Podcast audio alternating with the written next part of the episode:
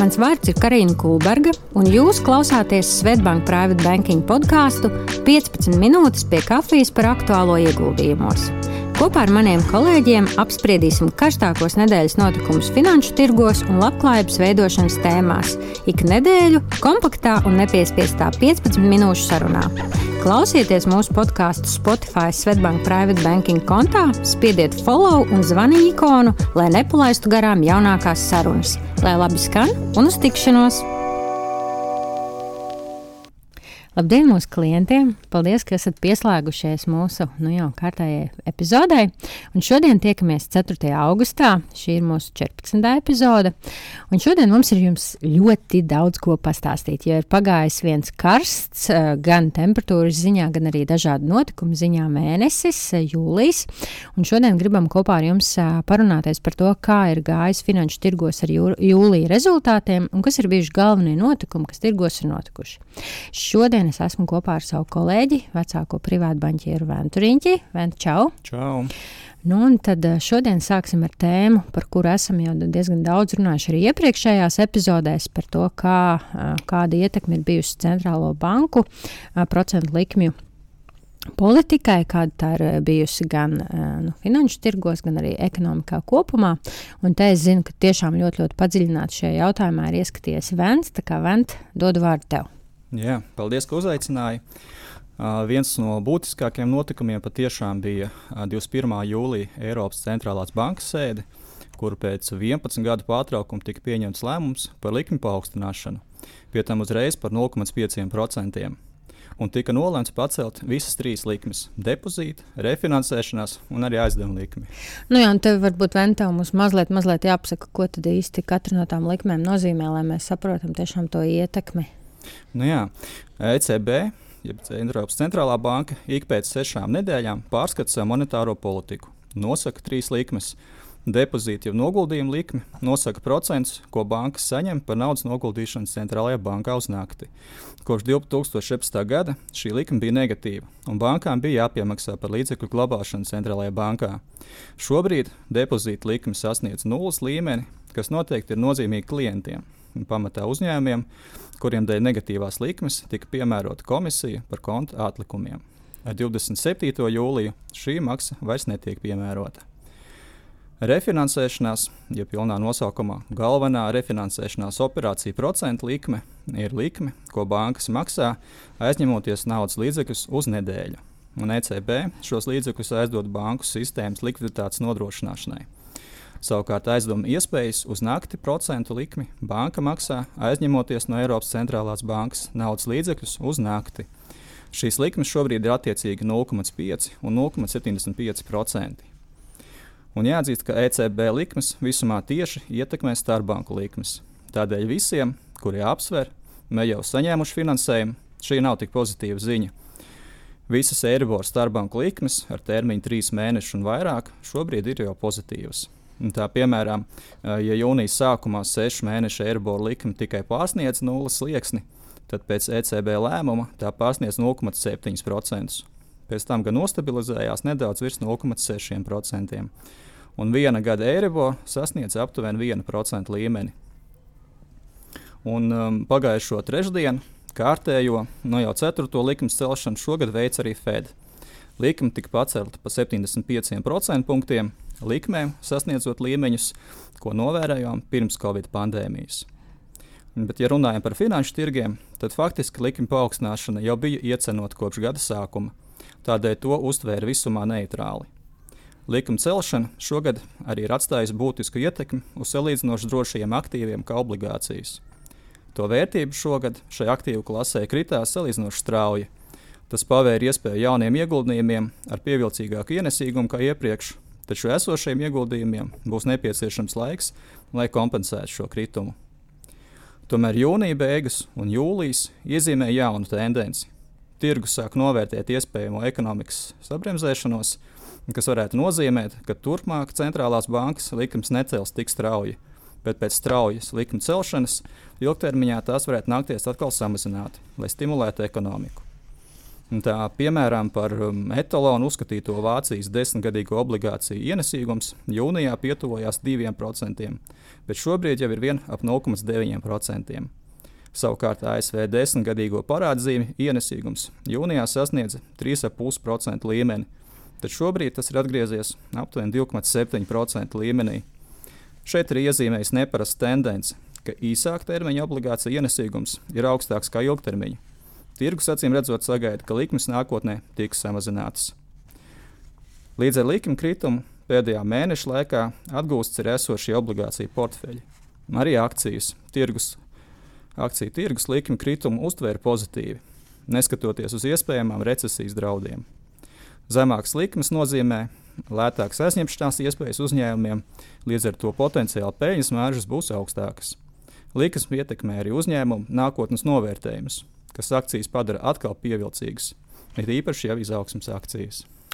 Nu jā, un, protams, ka uh, gaidījām ne tikai šīs ziņas no ECB un FEDA a, tikšanām, bet a, īstenībā gaidījām arī ļoti to, kāda izskatīsies a, jūlijā iznākušie otro ceturkšņu rezultāti lielajiem uzņēmumiem. Kā jau tas allaž vienmēr ir šajā laikā, nu, tad informatīvajā telpā varam novērot ļoti tādas skaļas ziņas par to, ka nu, nu, tagad būs ļoti bū, būtiskas izmaiņas tad, tad visā šajā te, paziņojot rezultātus, bet nu, nu, kā aicinām vienmēr atcerēties to, ko arī runājām iepriekšējos klientu semināros un šo te Varenu Buffetu pieeju, nu, kad varbūt neinvestēt tik ļoti uz emocijām un nesakot tik ļoti visiem šiem ziņu virsrakstiem, bet skatīties šīs ziņas pēc būtības. Ja? Un, protams, arī pirms rezultātu paziņošanas. Um, tiešām tās ziņas parādījās par vairākiem uzņēmumiem, nu, kad kā tas varētu mainīt to izaugsmas trajektoriju. Bet tas, ko ļoti gribējās saprast, kā izskatīsies uzņēmumu jau apgrozījumi, ko varētu redzēt viņiem par otro ceturksni, nu, kas varētu iezīmēt to stāstu par to, vai ekonomika sāk lēnām doties uz priekšu lēnākiem soļiem, vai tomēr uztur to ātrumu. Un, protams, arī ļoti interesēja, kā izskatīsies sniegums peļņas ziņā, lai redzētu, kā pieaugušas izmaksas un vai spēja uzņēmumi joprojām joprojām nu, turēt līdzi savā rentabilitātē. Un daudziem par pārsteigumu, bet faktiski jūlijas izvērtās par ļoti, ļoti labu mēnesi. Un, ja atceraties, tad desmitajā epizodē, kur kopā ar Mārtiņu runāju par pusgada rezultātiem, pašā sākumā arī runājām par to, ka nu, tādā pusgada rezultātu tabulā viss bija ļoti, ļoti sarkans. Respektīvi, nu, bija tātad mīnusi gan pusgada izteiksmē, gan vēl jūnija izteiksmē. Tad jūlijā beidzot redzam arī dažādus tos uh, zaļos laukumiņus, kas liecina to, ka nu, ir noticis diezgan atsitiens uz augšu un ir vērojama arī izaugsme. Ja mēs paskatītos lielākos indeksus un to indeksu griezumā jūlijā, tad SP pieaugums par 9% ASV valūtā, dolāru izteiksmē, un tātad vairāk par 12% eiro izteiksmē, nu, kas, protams, liecina arī par šīm lielajām ziņām par dolāru stiprināšanos. Nasdaqam, nu, kuru, kuru iespējams nu, šis gada sākums skāra visvairāk un kur kritums bija visievērojamākais, arī pieaugums vairāk kā 12%. 12%, dolāra izteiksmē un eiro izteiksmē ap 15%. Līdz ar to par nu, gada pirmajiem septiņiem mēnešiem tie iepriekš minētie sešu mēnešu kritumi mazliet, mazliet ir izlīdzinājušies, un uz šo brīdi dolāra izteiksme S&P 500 sasniedz 12%, bet Nasdaqam 20%. Ja mēs mazliet ieskatītos kā to esam iepriekšējās epizodēs darījuši pasaulē lielāko tad, tad uzņēmumu performancē un šajos rezultātos par otro ceturksniem, tad redzam to, ka nu, pasaulē pēc kapitalizācijas lielākais uzņēmums Apple uzrādīja, ka mēnešu laikā tā akciju vērtība pieauga par 13%, uh, un līdz ar to šogad tas kopējais kritums teiksim, no gada sākuma ir bijis 12% apmērā, bet gada izteiksmē jau 8,6%. procentu pieaugums, atvainojos. Un, ja mēs paskatītos, kā ir klājies pasaules lielākajiem uzņēmumiem, nu, lai nav tikai indeks, bet arī mazliet, mazliet uzņēmumu griezumā, tad apskatot, piemēram, pēc kapitalizācijas lielāko uzņēmumu Apple, redzam, ka tam pēdējais mēnesis ir bijis arī ar tādu pamatīgu pozitīvu atsitienu, plus 13% apmērā kas arī ir samazinājis nu, to kritumu, kas bija gada sākumā kopumā. Un tas ir lielā mērā arī tādēļ, ka viņu rezultāti, tātad, par ko paziņo arī jūlija beigu pusē, pārsniedz šīs prognozes, kas bija izteiktas, viņi uzrādīja to, ka pieaug gan viņu ienākumi, gan arī pieaug viņu brutto marža, nu, kas lika investoriem būt daudz pozitīvākiem. Tāpat arī rezultātu paziņošanas prezentācijā Tims Kuks atzina, kad arī priekšā viņiem vēl ir nākamais izaugsmes, tālākais ceturksnis, nu, kas acīm redzot akcionāriem lika būt ļoti pozitīviem par to skatu uz to, kā tad aplam klāsies.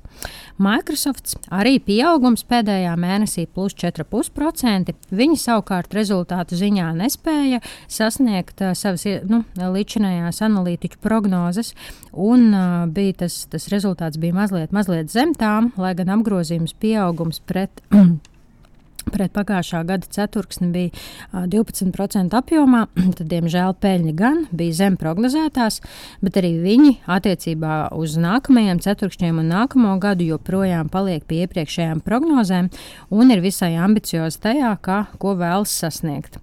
Un diezgan daudz esam iepriekš runājuši arī par Amazonu un tā ietekmi, ņemot vērā, ka viņu kritums pirmajā pusgadā bija patiešām liels. Nu, viņi ir viens no tiem spēlētājiem, uz kuriem visi raugās, lai skatītos, kāds ir īstenībā patērētāju noskaņojums attiecībā arī uz um, tirzniecību.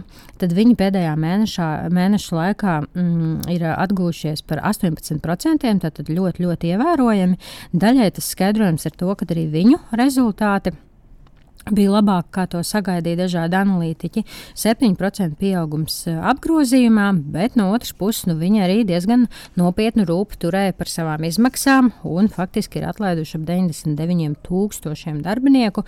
Nu, joprojām 1,5 eh, miljonu apmēram pie viņiem strādā un paziņojuši, ka turpmāk viņi pieņems darbā tiešām tikai inženierus priekš Amazon Web Service, bet citās jomās darbinieku skaita pieaugums vairāk tik liels neplānojas.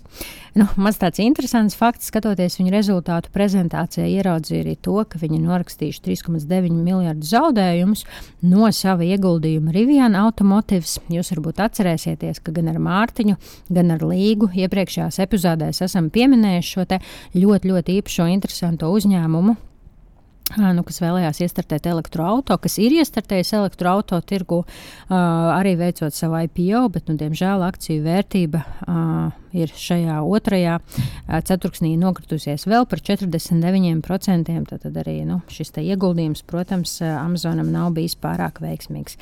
Ja tā pārskaitām pāri Eiropai un to, to, kas ir noticis finanšu tirgos tuvāk mūsu platuma zonai, Lielbritānijā FUCI indeks plus 3,66%, Vācijā DAX plus uh, 5,48%. Uh, tomēr jāsaka, ka septiņiem mēnešiem kopumā tieši šī Eiropas uh, Eiropas sirds nu, joprojām septiņos mēnešos gandrīz mīnus 16%, un pagaidām ļoti, ļoti sarkanos ciparos kopā ar tādām valstīm arī kā Polija un Ungārija. Ķīnā jūlijas bija ar mīnus 3%. Protams, mēs zinām, to, ka tur ir dažādas apvītās problēmas. Gan joprojām Covid ar viņu nulli Covid policiju, gan Taivāna, gan nekustamā īpašuma tirgus. Tātad tur uh, mākoņi savalkās diezgan, diezgan tumši. Nu, vismaz tā uh, pāris, pāris šie jautājumi ir ļoti, ļoti fundamentāli. Indijā gan pieaugums 8,7%. Nu, tas tā ļoti, ļoti ātri izskrienot cauri šim jūlijam, kas tiešām finanšu tirgu ziņā pozitīvs mēnesis, bet uh, bija vēl kāds notikums, kas nepalika nepamanīts arī mūsu klientu vidū. Un tas ir jautājums par dažādu lielo uzņēmumu akciju dalīšanu vai stoku splitu. Un te atkal es zinu, ka Vēns paskatījās mazliet detalizētāk, pastāstīt mums bišķi, kuri bija tie uzņēmumi, kas to veica un kāda vispār ir tā loģika. Nu jā, Patiešām šogad vairāk lielu tirgus dalībnieki nolēmuši veikt stoku splitu, jeb akciju sadalīšanu. Un īsumā tas nozīmē, ka uzņēmums emitē papildus akcijas vai jaunas akcijas, ar kurām aizstāja esošās, un vienlaicīgi proporcionāli samazinot vienas akcijas cenu. Līdz ar to uzņēmuma kopējā kapitalizācija, ja vērtība nemainās. Un šāds solis tiek veikts, lai samazinātu vienas akcijas cenu, ja tā laika gaitā kļuvusi ļoti augsta. Akcijas kļūst vairāk pieejamas mazajiem investoriem, tādējādi palielinās to likviditāti. Tas paver iespēju ieguldīt mazākas summas, kā arī pārdot akcijas pa mazām daļām esošiem investoriem. Esošos tirgus apstākļos gan grūti novērtēt ietekmi, bet tiek uzskatīts, ka split pozitīvi ietekmē akcijas, lai gan tās tiek iecenots jau pirms split ir reāli noticis. Tā piemēram, jūlijā nogalē iespaidīgu splitu veids Alphabet, jeb Google, uzreiz akciju cena samazinot 20 reizes, no aptuveni 2000 dolāriem uz 100 dolāriem. Līdzīgu soli jūnija, jūnijā veica arī jau pieminētais Amazon. Jāatzīmē, ka Amazon savā pastāvēšanas vēsturē kopš 1994. gada jau veica četrus splitus, bet nebija to darījuši jau vairāk kā 20 gadus, kopš 1999. gada, kad akcijas cena bija ap 100 dolāriem. Jūnijā cena bija ap 2500 dolāru. Arī Tesla nesen paziņoja par plānu šogad veikt kārtējo splitu, samazinot akcijas cenu trīs reizes. Jāatgādina, ka Tesla jau veids šādu soli 2020. gadā, samazinot akcijas cenu piecas reizes.